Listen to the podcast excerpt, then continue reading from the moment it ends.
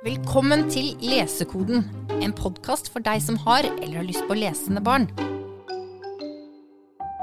Hva kan vi lese etter Harry Potter? Har du noen gode gråtebøker? Nynorsk? Er dette fine ord? Har dere et tips til en niåring? Har dere bøker som ikke er for tjukke?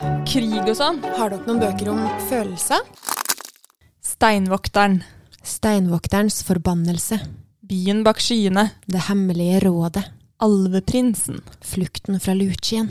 Ildfuglen. Supernova. Kanskje vet du hva vi snakker om. Kanskje gjør du ikke. Det her, det er Amuletten. Og Amuletten, det er jo en eh, serie med tegneseriebøker skrevet av Kasu Kibuishi, som kom første gang på norsk, eh, den første boka, i 2015. Og siden så har de kommet på løpende bånd, helt til den har tatt igjen den engelske utgaven, og det har kommet åtte bøker i Amuletten-serien. Nummer ni, den venter vi fremdeles på. Og dessverre så er den nok en gang blitt utsatt. Så her er mange, det er mange frustrerte norske barn nå eh, som venter fremdeles på nummer ni. Og det må de nok gjøre en stund til, dessverre. Så hva kan de lese i mellomtida? Det er nettopp det vi sitter her for å fortelle deg. I dag er det meg, Marianne, og Sigrid? som sitter her. I dagens episode av Lesekoden svarer vi på spørsmålet Har du noen ting som ligner på amuletten? Å ja, det har vi! Utropstegn, utropstegn, utropstegn. Velkommen til dagens episode. Vi har da tatt fram bøker som ligner på amuletten, som passer for aldersgruppen mellom sånn sirkus Åtte til tolv, kanskje? Yep. Cirka. Mhm. Så her er det bare å spisse øret. Og sette i gang. Det er mye som har kommet i kjølvannet av amuletten, og mye vi på en måte kan trekke fram når spørsmålet dukker opp på biblioteket. Da er det en jeg liker å ta fram, og det er Sita i verdensrommet, skrevet av Ben Hatke. Sita i verdensrommet, det står til og med på baksida at det her er en ny serie for alle sammen som liker amuletten. Den kom ut i 2018. Her møter vi Sita og Josef. De er ute og leker en dag i sola. Plutselig så dukker det opp, eller det bruser ned, en gjenstand ned fra oven og lager et gigantisk hull i bakken. De blir jo livredde og skremt, men det roer seg ned. De ser på det hullet, går ned, klatrer faktisk ned Ah. i hullet. Og vet du hva som ligger der? Nei. En rød knapp. Og hva vet vi om røde knapper? Jo, dem skal vi ikke trykke på. Nei, det er Men veldig dårlig hva gjør de?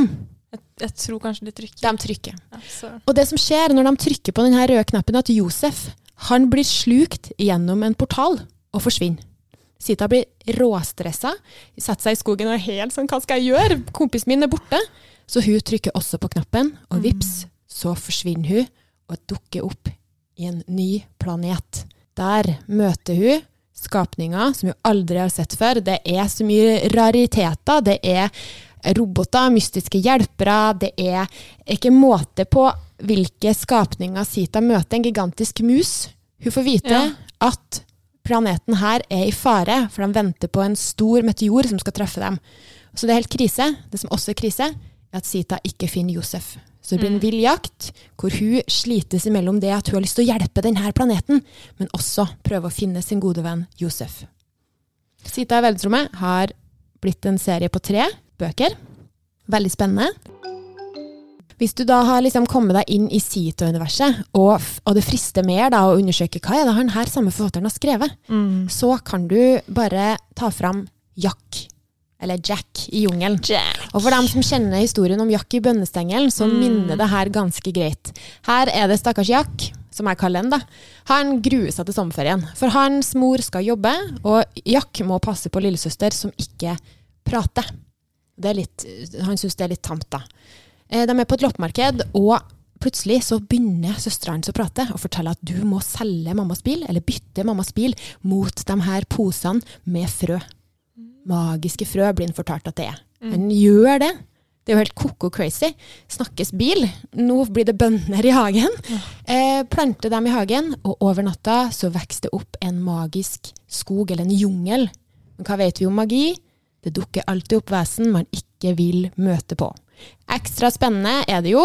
Det blir to bøker om Jack i jungelen. Fortsetter Jack og kjempene nummer to. Og så, for dere som da plukker opp Sita først, så møter dere faktisk Sita i bok nummer tre. Det er rett og slett en crossover-episode. Jack og Sita møtes, og sammen skal de redde verden. Mm. Kjempespennende. Jeg liker dem dødsgodt. Samme forfatter har jo skrevet, så det er det samme. Det er blokkbokstaver og fine illustrasjoner. Mye sånn klare, klare bilder. Masse fantasi.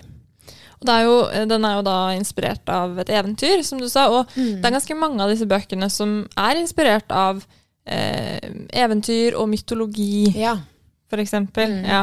Så jeg tenkte da passer det egentlig godt at jeg går over på, eh, på de mytologiske som jeg har med meg. For jeg har med meg særlig én da, som er veldig tydelig inspirert av mytologi, og det er eh, Ragnarok av den norske forfatteren Odin Helgheim. Og den kom i fjor og vant faktisk Arks barnebokpris. Gratulerer. Gratulerer, Odin. Og så heter han jo Odin Helgheim, så jeg tenker at, at han har skrevet om norrøn mytologi, som han har gjort i den serien her, det er kanskje ikke helt tilfeldig. Kanskje han føler på et form for eh, et, et ansvar da, for å skrive om norrøn Ja, ja. Hvem vet? Ja, kanskje. Eh, men eh, den serien her, da, den tenker jeg Fordi Amuletten startet jo en voldsom tegneserietrend, egentlig, i blant barnebøkene. Eh, det var ikke så mye tegneserier egentlig før det. Altså, selvfølgelig fantes det en del, men, men det har på en måte vært litt sånn uglesett, føler jeg. Det er nok ganske mange voksne og, eh, som på en måte ikke har sett helt på tegneserier som på en måte ordentlig lesing. Da. Det opplever vi jo, kjære foreldre. Tegneserier er ordentlig Det er ordentlig lesing. Og det skaper så mye leseglede, og det er på en måte tegneseriene eh, barna og elevene går mot og spør etter, og en megafin inngang til å fortsette med lesinga. Ja, og det er jo et, viktig poeng for Ja. oss. Men der har det skjedd en endring, og jeg opplever i hvert fall at de siste årene, og dette startet på en måte med amuletten, så har det blitt en større aksept for tegneserier, og man har skjønt verdien også i disse bøkene. Um, og Norge var Det tok litt tid, vil jeg si, før de norske forlagene liksom slang seg ordentlig på trenden. Men i 2018 så kom boka 'Nordlys', og den er det sikkert mange som har hørt om. Sikkert også mange som har lest den etter amuletten allerede. Ja. Det er på en måte det første vi foreslår. Det er det faktisk. Ja, og forfatteren av den, Malin Falk, eh, hun har da kalt dette for Nordic manga. Yes. Ja, og det syns jeg er et veldig godt beskrivende ord, egentlig, eller begrep, da, på disse bøkene. For det er veldig tydelig inspirert av mangastilen. Eh, og det er det veldig mange barn som liker. Eh, så nok om Nordlys, over på Ragnarok. Ragnarok er litt røffere i stilen. Eh, veldig dramatisk og full av egentlig mye altså Ganske voldelig, faktisk. Mer voldelig enn alle andre tegneserier jeg snakker om i dag, i hvert fall. Eh, en del slåssescener, en del blod, ganske mørkt. Så her tenker jeg at her er vi på det øvre delet, kanskje, av denne aldersgruppen. Eh, de leser den langt ned i alder, altså, men, men ja, det er, du kan vite det at det er en del slåssing. Femte, sjette, sjuende. Ja, det vil jeg si. Her skjønner vi jo eh, at det er norrøn som er i eh, inspirasjonskilden, og det er ganske direkte inspirert, vil jeg si. Det er jo vikingfantasy, eh, og vi møter da vikinggutten Ubbe, som bor i en landsby med moren og broren sin. Alt er bra, inntil en enorm ulv angriper dem. Og det går fryktelig galt, og etter dette så er ingenting som før igjen. Og den ulven her den er ganske spesiell, og la meg bare si at første bok den heter Fenrisulven. Ja. Ja, Så mer enn det tror jeg kanskje ikke jeg skal si. Det er mytologi, magi som gjennomsyrer hele denne fortellingen. Det er sterke farger, veldig sånn appellerende stil. Og ligner, altså, minner meg mye om Nordlys da, på mange måter, og også Amuletten. Og så er det humoristiske innslag underveis, og det er, det er både spennende og humoristisk.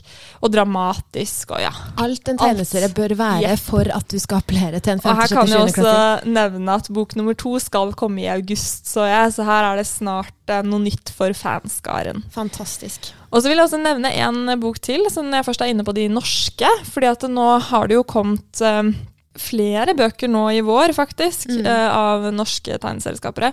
Uh, en av de er 'Snøkattprinsen' av Dina Nordlund. Den kom nå dette halvåret her. Og den har jeg ikke foran meg nå her, fordi at den var det venteliste på. For den er blitt så populær, den også, vet du. Den eh, tror jeg bare har liksom sett som et hurtiglån i Ja. biblioteket. Og så har det, Jeg rakk å lese den. Jeg leste den i vinter, og jeg likte den veldig godt. Og det som er litt annerledes med den, som skiller den egentlig ut fra jeg tror alle de andre bøkene vi snakker om i dag, er at den er frittstående. Det er ikke en serie. Mm. De aller fleste av disse tegneseriene de blir jo lange serier. mange bøker, og det er kjempefint, da har man masse å lese, men det er også litt forfriskende av og til at det er en bok som bare er en egen historie. Det, handler, det er et eventyr også, om katter eh, og rever, og s- en snøkattprins, som du hører i tittelen. Og det her, altså jeg tenker, det er rever, det er katter, altså det går jo rett hjem, det er fantasy. Det går veldig rett hjem med Ja. så stor Kattekrigerne har blitt. Det er jo for så vidt også tegneserie som går, eh, går Mm. Ja, eh, veldig bra. Ja, ikke sant. Der har det jo kommet, for det er jo egentlig først en tekst. Roman, ja. ja. Mm. Men så har det blitt tegneserie. Men her er det da altså Det handler om å redde kongeriket sitt, og en forbannelse er det, og om det å være modig, og om skam og fordommer. og det er egentlig ganske sånn klassisk eventyr, vil jeg si. Sånn hjem borte hjem-type fortelling. Um, og så har den en utrolig fin fargepalett. Det er sånn skikkelig sånn fin stemningsfull kontrast mellom da disse snøkattene som har liksom det blå og kalde og liksom de type fargetonene, mot da revene som er liksom rød og varme. og ja, Så gjennom hele boken da, så er det disse to fargepalettene som på en måte går mot hverandre. Og det syns jeg var veldig fint grep. da er Veldig stemningsfullt. Eh, Og så er den også ganske lettlest. Mm. Fin mengde tekst, vil jeg si. Jeg har én bok til jeg, før jeg skal slippe til deg eh, igjen, Fortell, Marianne. fortell, ja, fortell. Og det er faktisk en av eh, de tegneseriene jeg syns har vært eh, Ja, den er, den er liksom litt mer særegen, på en måte. Eller skiller seg litt ut i stilen, da. Eh, Mhm. og er utrolig vakker. Og slett en estetisk nytelse, hvis man kan si det. og det er 'Lightfall', eh, 'Kampen mot mørket', heter den første boka, av Tim Probert. Der har du jo også en am- amuletten Altså, ja, Ja, det svarer veldig på spørsmålet, føler jeg. ja det her er Altså, dette går rett hjem mot hos amuletten-leserne. Mm. Her er det varme fargetoner gjennom hele boka, og det er liksom så uttrykksfulle tegninger. Altså Her syns jeg liksom han har en veldig sånn gjenkjennelig strek. Som er utrolig Jeg tror den appellerer også veldig til voksne, faktisk. Mm. Eh, kanskje enda mer enn en del av disse andre litt mer sånn Nordic manga-stilene. Det som slo meg veldig når jeg leste den, det var at det brukes så mange vanskelige ord. Ja. Så leseren som har lest den her, skal virkelig ha tunga godt i munnen, eller Mm. lese den sammen. Hvis du ikke er så sterk, da, så kan det være at du mister litt det, den er nok litt mer krevende, ja. Men igjen så appellerer den veldig til amulettenleserne. ja. Så her, eh, her må man bare være forberedt på at uh, 'mamma, hva betyr egentlig?' Ja, Eller ikke altså sant? mm. Ja. Men her syns jeg det først og fremst er liksom den, Det er en veldig fin dialog, og det er liksom utrolig nydelige karakterer, rett og slett, som man blir kjent med, og som man blir veldig glad i. Det er jo også en eventyrlig reise, litt som, som i Sita. ikke sant? Her er det det gode mot det onde. Mm. Det er en hovedperson som, som drar egentlig på, for, på leting etter sin bestefar, eh, som er forsvunnet. Og hun blir også da etter hvert kjent med et vesen. Og Han er en litt sånn morsom sidekick, da. Så dette, her er det en veldig fin og sjarmerende duo i hovedrollene, da, som vi blir veldig glad i. Så her klarte jeg ikke å finne noe informasjon om bok nummer to, dessverre. Så jeg bare håper at den kommer. At den er rett rundt hjørnet. den liksom, men det kan jo fort ta litt tid, da. Men her, og her, siste tingen om denne boka her, her står det til og med De har klart å få en blurb fra Kasu Kibuishi himself på forsiden. Forfatteren av amuletten, altså. Yep, og der står det 'Fantastisk. En verden du har lyst til å dra til'. Jeg tenker når du sa det onde mot det, eller det gode mot det onde. I min hånd så heller jeg en fantasy-tegneserie som heter Spilledåsen. Bok nummer én, Velkommen til Pandoria. Skrevet av Gillet Carbon, som er så fint å si det. Ja, vakkert. Spilledåsen, her møter du Nola. Nola er åtte år og får en nydelig spilledåse som tilhørte sin avdøde mor. Mammaen har dessverre gått bort pga. sykdom for noen måneder siden, så hun blir veldig glad for å få noe som tilhører hun.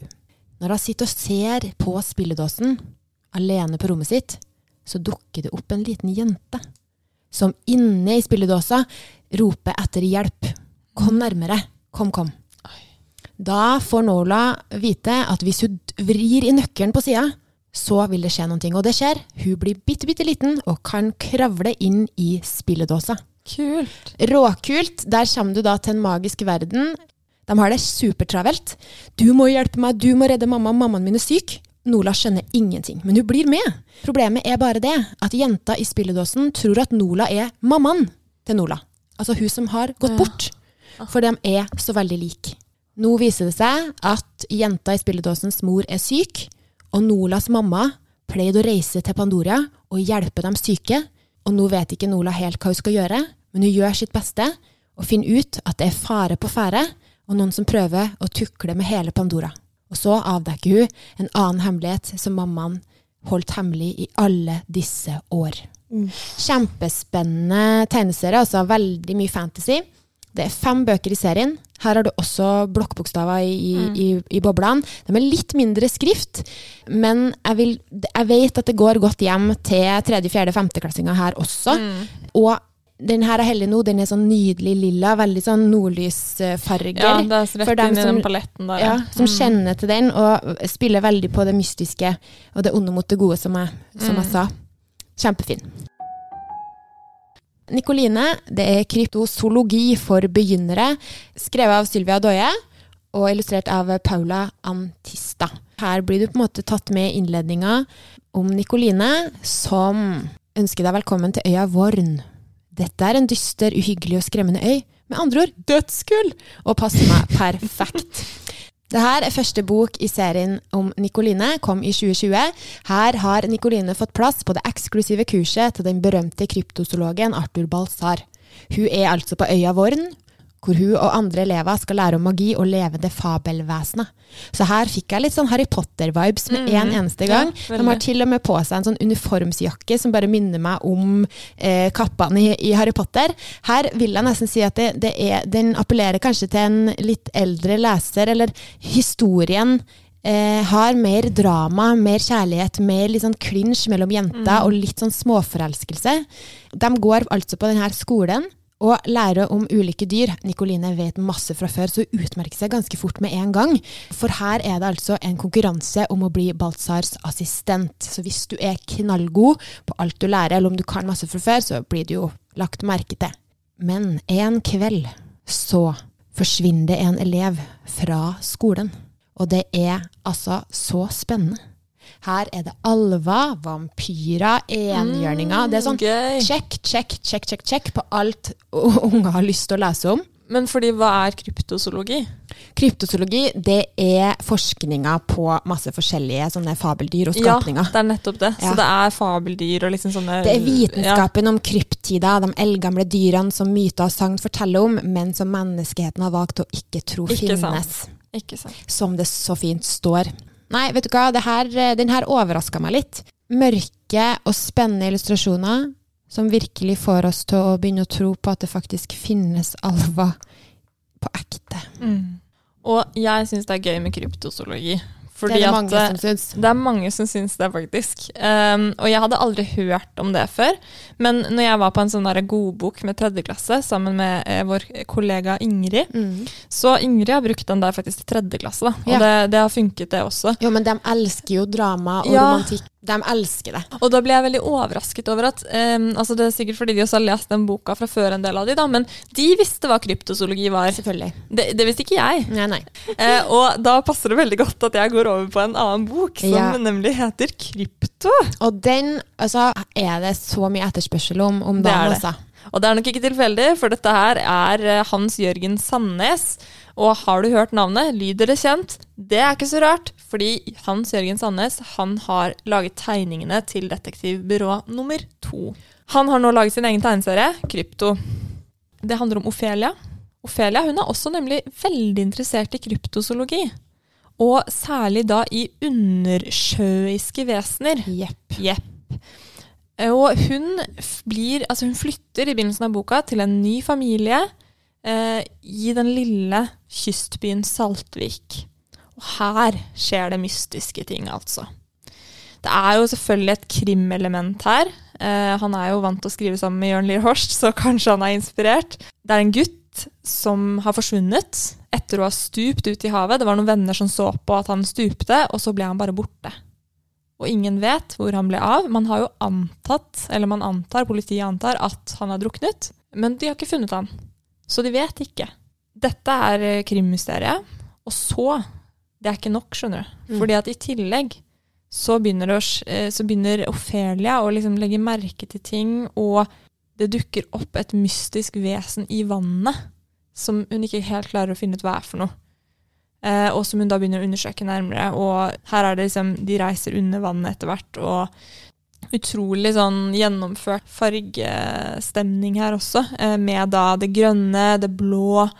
Det er vann og sjø og Ja, det er blått, blått og grønt og vakkert og Ja, det er veldig flott. Ja. Um, så, men ikke sant, hva, hva har egentlig skjedd med denne gutten som er borte? Eh, og eh, hva er dette vesenet, dette mystiske vesenet som lurer nede i dypet? Det må Ophelia finne ut av. Og her er det en veldig fin mengde tekst. Dette er jo en eh, Den her er nok, tror jeg, ut av de letteste Ja. som vi har med i dag. Mm. Her er det til de liksom Det er yngre største, leserne. størst boble, størst font på skrifta. Ja, er og lite. korte setninger, ikke så mange setninger på hver boble. Det, Mm. er liksom, det er ganske lite tekst. Altså, så den er her, lettlest. Tredje trinn, Perfekt. forgude den her. Og det har nå kommet uh, tre stykker uh, i serien, og det kommer sikkert til å komme mange, mange flere, kjenner jeg. Hans Jørgen Sandnes rett! det liker vi. Det liker vi. Hvis du har lyst til å bevege deg bort fra tegneseriehylla, hvis du har lyst til å plukke opp noe i tillegg, en, en, annen, en annen type bok, for å bare, for å bare Spice det spice det opp litt, så kan du gå til spenningshylla, og der vil du finne Edvard Rubicons mysterier.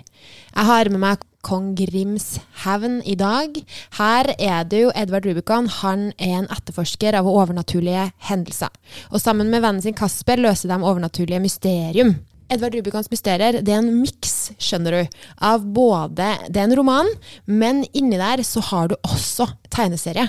Det er svart-hvitt, det er farger, det er alt som er kult. Så det er så gøy å ta den fram. Den minner litt om utseendet på operasjonsbøkene, altså Detektivbyrå nummer to.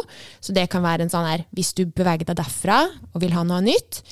Og så er det, blir de å nei, men jeg er egentlig mest glad i tegneserie. Ja, ja, men se! Ja. Så åpner jeg opp, og så er det sånn Å ja, men det er det også. Da blir foreldrene fornøyd, da blir ungene fornøyd, og jeg blir veldig fornøyd. Eh, Edvard Rubicon, det er spenning, men det er også mye tull og tøys. Her er det Edvards pappa som jobber på Grimsrud festning, eh, og her har de nettopp avdekka en, en gravkrypt. Eh, men når de åpna grava, eller før de gjorde det, så begynte festningen å rase sammen, og festningen måtte stenge.